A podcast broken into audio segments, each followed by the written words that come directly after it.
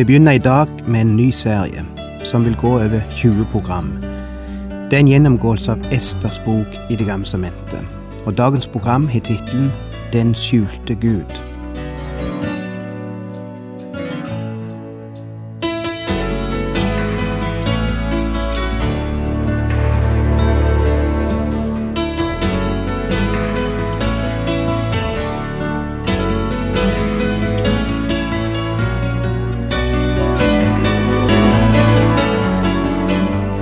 Hjertelig velkommen til et nytt program i serien Vindu mot livet. Vindu mot livet er basert på programserien Insight for Living ved Chuck Svindal. Programmet er produsert av Kristen Riksradio og blir ledet av Ola Joland.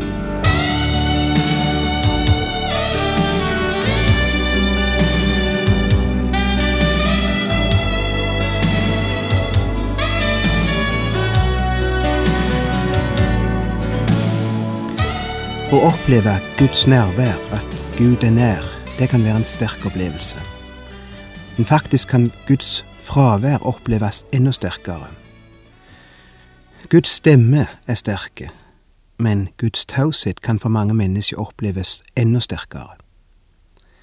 Hvem av har ikke lengta etter et ord eller et hint om at Han er til stede, eller et synlig tegn på Hans makt, men har opplevd Hans fraværenhet og taushet. Iallfall opplevdes det slik da, for ei stund.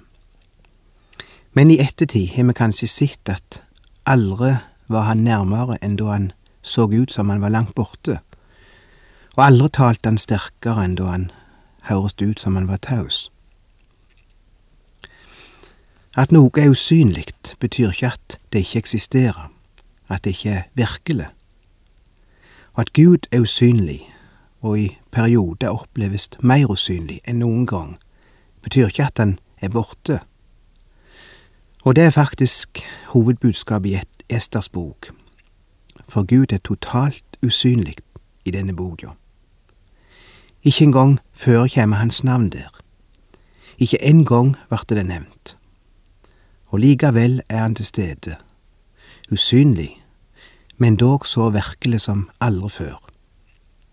Han styrer personene, han styrer handlingene, han styrer hendelsene, han styrer historien.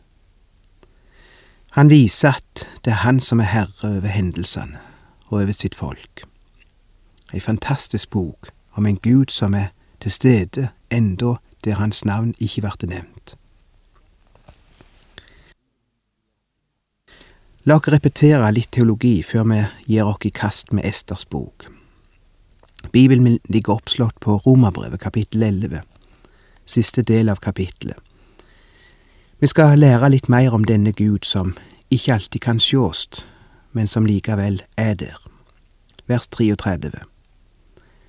Å, dyp av rikdom og visdom og innsikt hos Gud. Vår uransakelige Hans dommer er og hvor, hvor ufattelige hans veier. Det første jeg legger merke til her, er at Gud har en tanke, et sinn, som her blir beskrevet som uransakelig. Det er umulig for mennesket å komme til bunns i Guds tanke og Guds verden og Guds veier. Teologer kan bruke et helt liv på å prøve å følge hans tanker men blir ofte stående igjen med flere spørsmål enn svar. Til mer du studerer, til mer du graver i den boka og prøver å finne ut av Gud, prøver å forstå Hans innerste tanker og Hans veier, til mer blir du stående på slutten og føler jeg ikke engang klart å skrape bort overflata av dette mysteriet som er Gud. Og han sier jo sjøl i Jesaja 55 vers 8 og 9 for mine tanker er ikke deres tanker, og deres veier er ikke mine veier, lyder ordet fra Herren. Som himmelen er høyere enn jorden, er mine veier høyere enn deres veier, og mine tanker høyere enn deres tanker. Og se på vers 34, men nå tilbake i Romerne 11.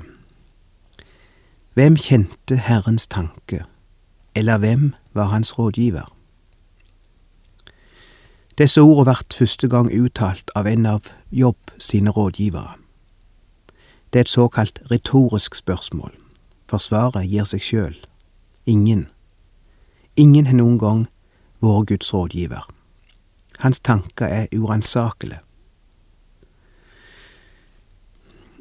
Gud har ikke bare sine egne tanker, men han har òg en vilje. Han har sin måte å tenke på, og sin måte å gjøre ting på. Hvor ufattelige hans veier er, skriver Paulus i vers 33. Ingen kan forutse Gud eller berekne Han. Samtidig som Gud er uberegnelig, det vil si ikke kan forutsies, så er Han trufast, det vil si han står for det han har sagt, og utføre det han er lova. Han er ikke lunefull. Han er ikke en som sier noe en dag og noe helt annet en annen dag, fordi humøret skifter. Gud kan en stole på. Det er noe av det som oftest går igjen gjennom hele Bibelen. Gud er pålitelig. Han er til å stole på. Han er den samme i går og i dag, ja, til evig tid. Han skifter ikke sinn, han skifta ikke mening. Og likevel kan en ikke berekne han eller måle hans tanker. Men en kan kjenne han. En har sagt det slik at Gud kan kjennes av sjelen i et nært personlig fellesskap og gjennom troens erfaring, samtidig som han er fjern og uforståelig og uberegnelig for mennesker som ikke tror, er et paradoks. Hvis du nærmer deg Gud av nysgjerrighet, for å vurdere og måle, uten at du er villig til å la deg måle av Han, og la deg verte vurdert av Han, og la Han gjøre noe med deg, da vil du aldri finne Han eller få øye på Han. Han vil forbli irrasjonell og fjern og ufattelig. Men hvis du søker Han i tru, vil du finne Han med åpne armer, klar til å ta imot, klar til å akseptere, klar til å demonstrere for deg si makt.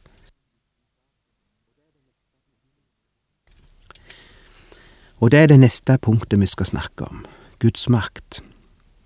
Vi finner det her i teksten, men vi skal slå opp en annen plass først, Daniel kapittel fire. Der finner vi historien om kong Nebukaneser, han som trodde han styrte hele verden. Og hans verden var Babylon, dette mektige riket som ikke bare hadde innlemmet i seg de hedenske nabostatene, men også Guds stat, Guds folk jødene. Og han sprada rundt i stolthet og arroganse og roste seg av sin storhet. Og så gikk det slik profeten hadde spådd det ville gå. Han vart ramma av galskap og levde ute på markene som et villdyr. Han mista forstand, rett og slett, og var tvungen til å innsjå at uh, det var ikke han sjøl som var herre over sitt liv, eller over Gud, eller over andre mennesker. At det ikke var han som skulle ha æren, men Gud. Og på slutten av dette kapittelet aksepterer han det faktum at Gud er den eneste som er makt og ære. Vers 34 i Daniels bok. Da tiden var omme, løftet jeg, Nebukadneser, blikket mot himmelen, og jeg fikk forstand tilbake. Jeg lovet og priste den høyeste, og æret ham som lever evig. Og her, hør hva som står videre i denne bekjennelsen til kong Nebukaneser. Hans velde er et evig velde. Hans rike varer fra slekt til slekt. Alle som bor på jorden, er som ingenting å regne. Han gjør som han vil, med himmelens hær, og med dem som bor på jorden. Ingen kan hindre ham. Ingen kan si, Hva er det du gjør? Et fantastisk vitnesbyrd om Guds usynlige nærvær og usynlige forsyn i verden. Alle steders nærværende, som det heter. Hele tida. Overalt. Jeg brukte ordet forsyn. Det betyr å sjå foran. Engelskmennene bruker ordet providence, som kommer av det latinske ordet pro video. Pro betyr før, på forhånd, og video betyr jeg ser. Gud er altså den som ser ting før det skjer. Vi er ikke særlig flinke til å forutse ting. Vi er flinke til å se tilbake. Vi er flinke i historie, men vi er dårlige når det gjelder å se framover. Vi er blinde når det gjelder hva som skal komme til å skje ett minutt ifra nå av. I løpet av ett minutt kan mennesket sitt liv bli snudd opp ned. Heilt uforberedt, kanskje, heilt uanmeldt, kan det skje noe med deg, eller du kan få en beskjed som kan forandre alt. Jammen vet vi ikke mye. Og det er en kommentar jeg har fått hørt ofte ifra folk som opplevde plutselige og dramatiske omveltninger i sine liv. Vi vet ikke mye. Vi vet ikke mye om morgendagen. Hvem trodde for bare noen timer siden, eller minutt siden, at slikt skulle skje? Men Gud vet. Gud vet alt. Og vi vet lite og ingenting om det som ligger foran, det som kommer i morgen. Og det har lave til å gjøre oss brød. Vi opplever høyder, og vi opplever dybder. Vi lovpriser Han i ett øyeblikk, og vi skriker og sørger og rister på hodet i neste øyeblikk. Vi forstår oss ikke på Gud. Vi klarer ikke å berekne Han. Men i alt dette sier Bibelen at Han er uforanderlig. Han er den Han er. Han skifter aldri. Og ingen kan si hva er det du gjør? Det var det Nebukadneser var kommet fram til, gjennom de dramatiske ting som hendte i hans liv, og som sendte han ifra toppens tinne og ned i den djupeste dal, og seinere tilbake til toppen. Han gjør som han vil med himmelens hær og med de som bor på jorden. Ingen kan hindre han. Ingen kan si hva er det du gjør? Og hvis du tror han er gitt opp overfor deg, så tar du feil. Gud gir ikke opp før han får sin vilje. Han lar seg ikke stanse av mennesker som står imot. Kanskje han vil presse deg, som han preste nebukaneser, trykke deg ned til du har innsett at han, og bare han, er Gud, også i ditt liv. Så langt ned med enkelte mennesker trykkes før de avsetter seg sjøl som Gud i sine liv, og innsette Gud som Gud. Og nå er vi klare for Esters bok, og jeg skal presentere eller introdusere de fire hovedpersonene i denne boka som på hver sin måte er brikker i Guds spill, enten de vet om det eller ikke, og enten de vil det eller ikke. Den første møter vi allerede i vers 1. Det er kong Xerxes. Han herska over 127 provinser, ifra India til Nubia, står der. Han styrte ifra en by som heter Susa. Den andre hovedpersonen er kona hans, som heter Vashti. Hun blir nevnt forholdsvis ofte i første delen av boka. I vers ni står der Dronning Vashti holdt et gjestebu for kvinnene i slottet til kong Serkses og omtales igjen i vers 11 og i vers 12 og i vers 15 og i vers 16 og 17. Men seinere forsvinner hun ut av bildet. Noen av dere vil like denne dama. Jeg er sjøl personlig stor og sans for henne. Hun har en sterk vilje. Hun er en Hun er ei utradisjonell og ei uavhengig kvinne, som avstår å bøye seg for alt mannen hennes finner på. Finner seg ikke i å verte sett på utstilling framfor en gjeng festkledde menn, for eksempel. Og det er dette som fører til den første konflikten vi leser om i denne boka, og som i neste omgang faktisk fører til en missekonkurranse. Vi skal se på alt dette litt seinere. Den tredje hovedpersonen i denne boka er en korrupt offiser som heter Haman. Vi møter han først i kapittel tre, vers 1 og 2. Haman er en type du ikke kommer til å like. og du vil gjenkjenne typen i mennesket du møter, eller har møtt, i ditt liv og din hverdag. Han er en antisemittisk offiser, veldig rik og veldig mektig. La oss ta med oss et par vers om han, bare for å ha presentert han, vers 1 og 2 i kapittel 3. En tid etter alt dette hendte, lot kong Serkses Haman, sønn av Hamedata, av Agagetten, få høyere rang og ga ham sete over alle de andre stormenn som var hos ham. Alle kongens embetsmenn som holdt til i slåssporten, falt på kne og bøyde seg til jorden for Haman. For det hadde kongen gitt påbud om. Og vers ti. Kongen tok seilringene av hånden og ga den til Haman. Det er det samme som å gi han kontonummeret eller kontobeviset og si bruk det som du vil, det er til din disposisjon. Så er vi den fjerde hovedpersonen. Han heter Mordekai. Han er ikke perser, han er jøde, men bor i Persia. La oss lese vers fem og seks i kapittel to.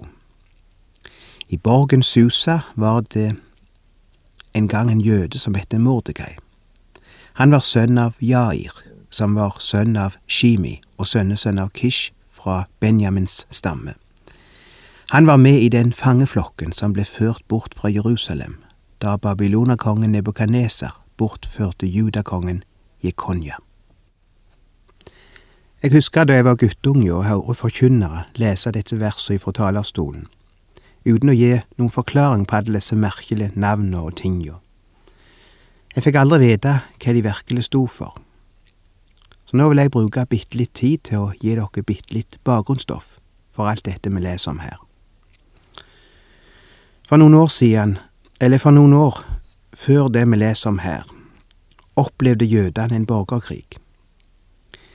Jeg har akkurat sett en film om den amerikanske borgerkrig, den blodige krigen mellom sør og nord, mellom sydstatene og nordstatene. Jødene opplevde òg en slik borgerkrig mellom sørstatene og nordstatene. Og det endte med et brudd imellom syd og nord. Nordriket, som ble kalt Israel, bestod av ti stater, eller stammer, og Sydriket, som også var kalt Juda, bestod av to stammer. Og etter ei tid ble Nordriket invadert av asyrerne, og en stor del av innbyggerne ble tatt til fange og bortført. Sydstatene bestod i ennå hundre år, eller litt mer. Da ble også de hertatt, og en del av de bortført. Det var stormakta Babylon som invaderte Sydriket, under ledelse av kong Nebukadneser, og han bortførte jødekongen Jokonja og innbyggerne Juda, altså Sydriket. Og de ble buende som eksiljøder i Nebukadnesers rike. Seinere vart Babylon lagt under Perserriket. Du har sikkert hørt om mederne og perserne ifra historien på skolen, og om det medopersiske riket det er det riket vi altså møter her i Esters bok. Og de jødene som vart bortført til Babylon, kom nå inn under det persiske styret. Etter noen år vart de imidlertid gitt frihet til å reise tilbake til landet sitt, tilbake til Jerusalem. Ei gruppe reiste under ledelse av en som het Serubabel. Ei annen gruppe reiste under ledelse av en som het Esra. Atter andre altså ei tredje gruppe, reiste tilbake under ledelse av profeten Nehemia. Men på tross av alle disse bølgene av tilbakevandring til sitt land, var det noen som vart igjen i Persia, og det er disse Esters bok handler om. Det er historien om de jødene som ikke drog hjem igjen, men ble værende i Persia. Det er alltid sånn, vet du. Noen er slått røde og syns de har fått det rimelig bra i det nye landet, og de ser ikke syn på å måtte bryte opp igjen og reise heim etter så mange år i utlendighet. Men ikke tro at Gud har glemt sitt folk selv om de bor i utlandet. Ikke tro at de liksom forsvinner for han, vert borte i mengden av folk som ikke bryr seg om han, og at Gud ikke finner de, eller rett og slett glemmer de eller gir de opp, nå når han har fått flesteparten tilbake til Jerusalem. Å nei, han glemmer ikke den rest som er vårt igjen, og det er det denne boka vil minne oss om. En av disse var altså Mordekai. Han er en fromme mann, en gudfryktig jøde. Men hans mest betydningsfulle rolle og oppgave er det vi leser om i vers 7. Mordekai var fosterfar til Hadassah, som også kalles Ester, datteren til hans farbror, for hun hadde verken far eller mor i live. Vi får ikke vite hvorfor hennes foreldre ikke var i live, hva som hendte med dem, men vi får vite mer om Ester. Piken var både velskapt og vakker, og da hennes foreldre døde, tok Mordekai henne til seg som sin egen datter. Hvem skulle tro at Gud ville bry seg om ei lita foreldreløs, en, en liten foreldreløs jentunge i et fremmede land langt der borte?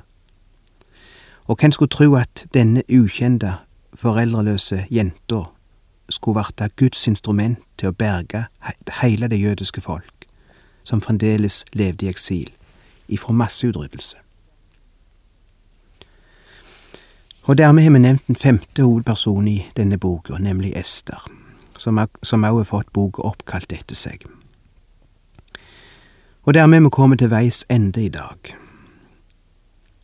I det vi har presentert det persongalleri som vi skal ta for oss nærmere, i tur og orden, i de følgende program. Og den minst betydningsfulle av de, en liten jentunge, vart den mest betydningsfulle. Tenk på det, du som føler at livet kanskje har rast i sammen over deg. Se for deg denne jentungen som står og skriker over mors og fars død, aleine i en fiendtlig og farlig verden. Og en slektning forbarmer seg over denne foreldreløse og heimløse stakkaren. Tenk for et utgangspunkt. Tenk for en tragedie.